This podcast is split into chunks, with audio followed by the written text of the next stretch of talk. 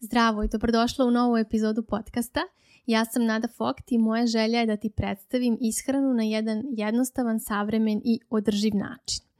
U današnjoj epizodi voljela bih da se dotaknem teme emocionalnog jedenja – Ovo je tema sa kojom se jako često susrećem u radu sa svojim klijentima. Postoji jako mnogo zabluda kada je u pitanju emotivno jedenje i upravo zbog toga mnogi koji iskuse ovaj problem često imaju poteškoće da ga reše i stalno se zapravo vrte u tom nekom začaranom krugu.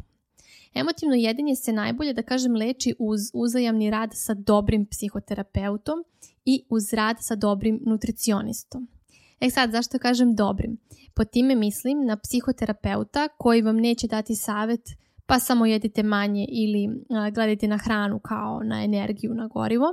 A dobar nutricionista je onaj koji vam neće dati plan ishrane jer je to nešto što vam najmanje i treba kada imate ovaj problem, već koji će vam pružiti strategije i alate a, koji se tiču ishrane. Nutricionista je tu da otkrijete neke obrazce ponašanja kao i uverenja u vezi sa ishranom i onda radom na tome možete zaista napraviti pomak po pitanju ovog problema. Ono što se često u praksi susretne mi je što neke žene misle da imaju problem sa emotivnim prejedanjem, a zapravo ili ne jedu dovoljno hrane, uskraćuju sebi hranu, pa onda kada jedu kompenzuju to kroz veću količinu, a druga varijanta je da imaju neka određena predubeđenja o ishrani. Najklasičnije recimo da ugljeni hidrati goje, onda ih e, one eliminišu, pa onda zatim binđuju sa istima. U ove dve situacije taj problem se malo brže i lakše reši a, kada se uspostavi taj pravilniji odnos prema ishrani, prema hranjenju. Kod pravog emotivnog prejedanja to znači da osoba jede kada ne osjeća fizičku glad. Povod za jelom može biti dosada, može biti tuga, neraspoloženje, može biti boravak u određenoj prostori ili u određenom mestu, susret sa određenim osobama ili sa osobom, isto tako može biti lep događaj i kod svakoga su ovi triggeri uh, različiti uh, i nekako da kažem jedinstveni.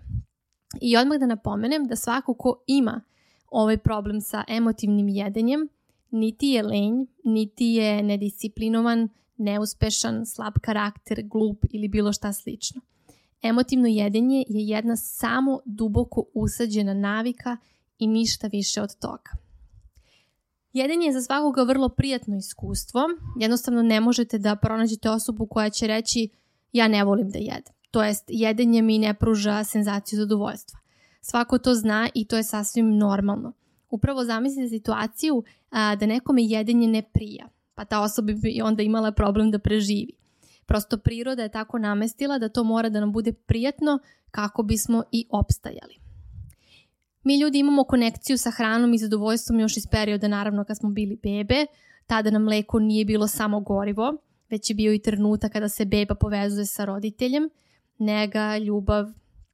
Tako da sa tim u vezi nije problem što jedemo emotivno, već je problem koliko često se to dešava, pa i na koji način.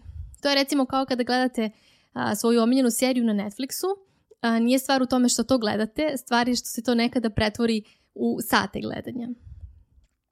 Mnogi ljudi misle da je emotivno jedenje jedenje pod dejstvom stresne situacije i nijedno drugo. Pre izvesnog vremena imala sam video call sa jednom klijentkinjom i ona je uporno tvrdila da nema problem sa emotivnim jedenjem, ali je navela brojne situacije kada zapravo jede bez prisustva fizičke gladi. Na šta sam joj ja rekla? Ok, ti znači nisi reaktivni emocionalni jedač, ali jedeš da bi izbegla određena osjećanja. A kod nje ta osjećanja su bila dosada, kada radi nešto na poslu što joj nije zanimljivo. Dakle, dosada i jedenje usled dosade spada pod okvir emocionalnog jedenja.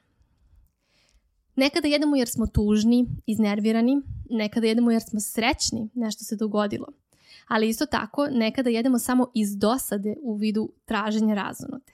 Neki ljudi imaju recimo jaku konekciju sa jedenjem iz radosti, to se primećuje na porodičnim a, ili okupljanjima sa društvom, tada im se javlja taj nagon a, da jedu dosta hrane jer ih ta atmosfera a, na to navodi. A da li znate recimo koje doba dana je a, najučestalije za emotivno prejedanje? Od 3 posle podne pa nadalje. Nekada je to od 3 pa nadalje u kontinuitetu, a nekada je sporadično, tada oko 3 jedenje recimo iz dosade, zamora na poslu i onda se uveče dogodi još jedna epizoda. Iako mnogi misle da je emotivno predenje vezano isključivo za kasno večernje sate, zapravo većina se događa upravo tada u sredini dana.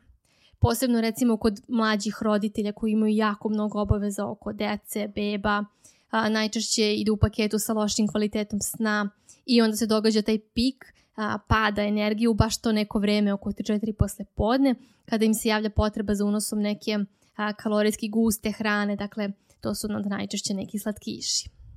Naravno, u sve ove primere koje ovde navodim, ne pronalazi se svako od vas. Neko baš ima problem samo sa kasno večernjim a, prejedanjima, neko ima ovo u poslepodnevnim satima, kod nekoga je to tokom celog dana, kod nekoga ide u ciklusima, određeni broj dana nema toga, zatim onda ide serija dana kada se to događa svakodnevno i to je zapravo poenta, za svakoga je drugačije i svako ima svoje a, jedinstveno iskustvo. A, zato i jesu problematični ili jednostavno neefektni univerzalni saveti na koje možete naići. Pitanje zašto radite, kako radite, koliko često radite. To je sve značajno za dalji rad na tome kako da smanjite učestalost toga. Ali postoji jedno pitanje koje svako od vas sebi može da postavi i zaista zapitajte sebe i razmislite odgovor na ovo pitanje. A pitanje glasi, šta vam pada na pamet kada kažete ne jedenju? Recimo, ok, kažem sebi ne, šta je moja naredna misao? Kakva je moja reakcija? A evo i navešću vam primere nekih čestih odgovora koje čujem. Ja to zaslužujem, danas je bio težak i naporan dan, potrebno mi je nešto da me relaksira. Upravo ovi trenuci za mene su momenti kada se ja opuštam. Isto tako, ako imate odgovor, ništa nisam jela ceo dan, onda je sasvim i normalno da se uveče predate da nadoknadite taj nedovoljni unos tokom dana.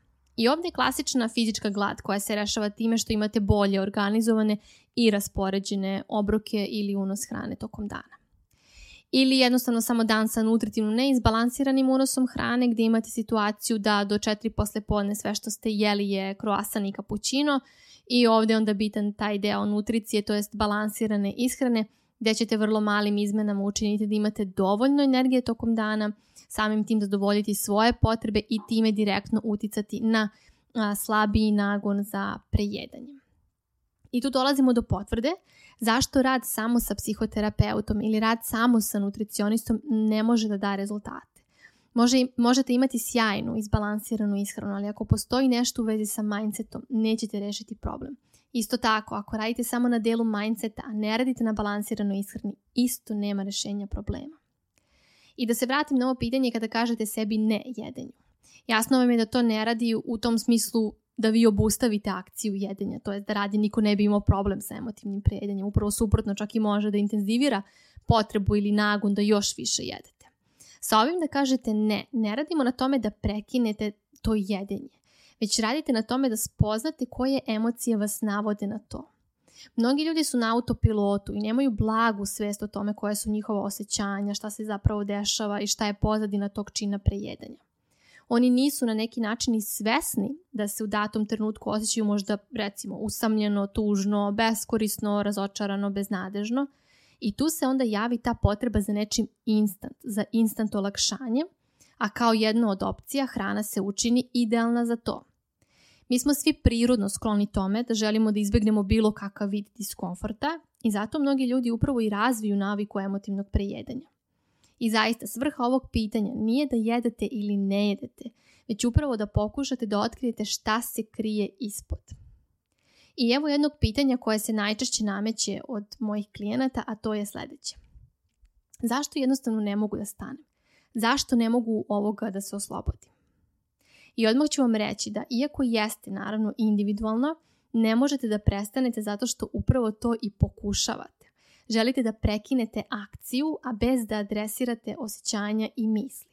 I onda se vrtite u tom začaranom krugu gde ste fokusirani na akciju, samo tome ste posvećeni, umesto posvećivanja tome šta tu akciju izaziva. Da li vam to ima smisla?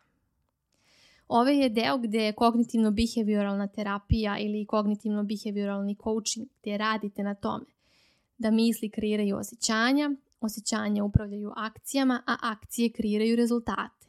I tu se mnogi fokusiraju na akciju i na rezultat, a u potpunosti ignorišu misli i osjećanja koji su prvi pokretači akcije. I šta je tu onda potrebno da se uradi? Da napravimo pauzu. Pre jedenja, tokom, nakon, kad god. Samo napravite pauzu. Sedite za tim diskomfortom i samo razmislite o mislima, osjećanjima. Mnogi ljudi uopšte ne idu ovde jer ipak zahteva sposobnost introspekcije umesto samo nekog haotičnog načina života gde smo stalno u nekom gasu bez pauze. Nekada nećete biti u stanju da identifikujete misli, a nekada nećete biti u stanju da identifikujete osjećanja. To je jedan proces i jedno putovanje koje zahteva malo truda i rada, ali je vrlo korisno da na taj način bolje upoznate sebe i u ostalom šta vas navodi na to neželjeno prejedanje. Čak i ako ne uspete da napravite pauzu pre ili tokom tog nagona za jedinjem, dovoljno da to uradite samo nakon, da stanete i razmislite. I ovde nije pojenta da budete savršeni, da nikada više nemate problem sa emotivnim jedenjem, već je cilj da se to proredi i da ne predstavlja veliki ili ti značajan deo vašeg života. Mi smo ljudi, nismo roboti i ne možemo se apsolutno osloboditi emotivnog jedenja. Razmislite u vašem slučaju šta je bio okidač. Da li je bila neka emocija, neko okruženje, možda je bio umor i srpljenost.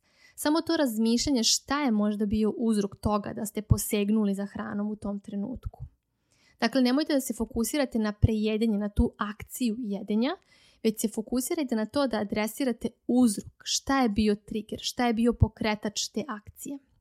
Nekada jednostavno a, imate samo potrebu koja nije zadovoljena i onda idete ka hrani. I ovde rutine nege sebe, self-care ima jako mnogo uticaja. Mnoge žene primenjuju takozvani post, post self-care. Kada toliko više ne mogu da izdrže, onda razmišljaju o tome a, kako da se izleče, umesto da sve vreme paralelno rade i na tome. I ovde ne mislim na pedikir i manikir, već mislim na brigu o sebi u opštem smislu. Dovoljno sna, balansirana ishrana, redovna aktivnost koju volite, vreme za sebe, hobi, aktivnosti koje vam prijaju, pa naravno i masaže, tretmani i sl.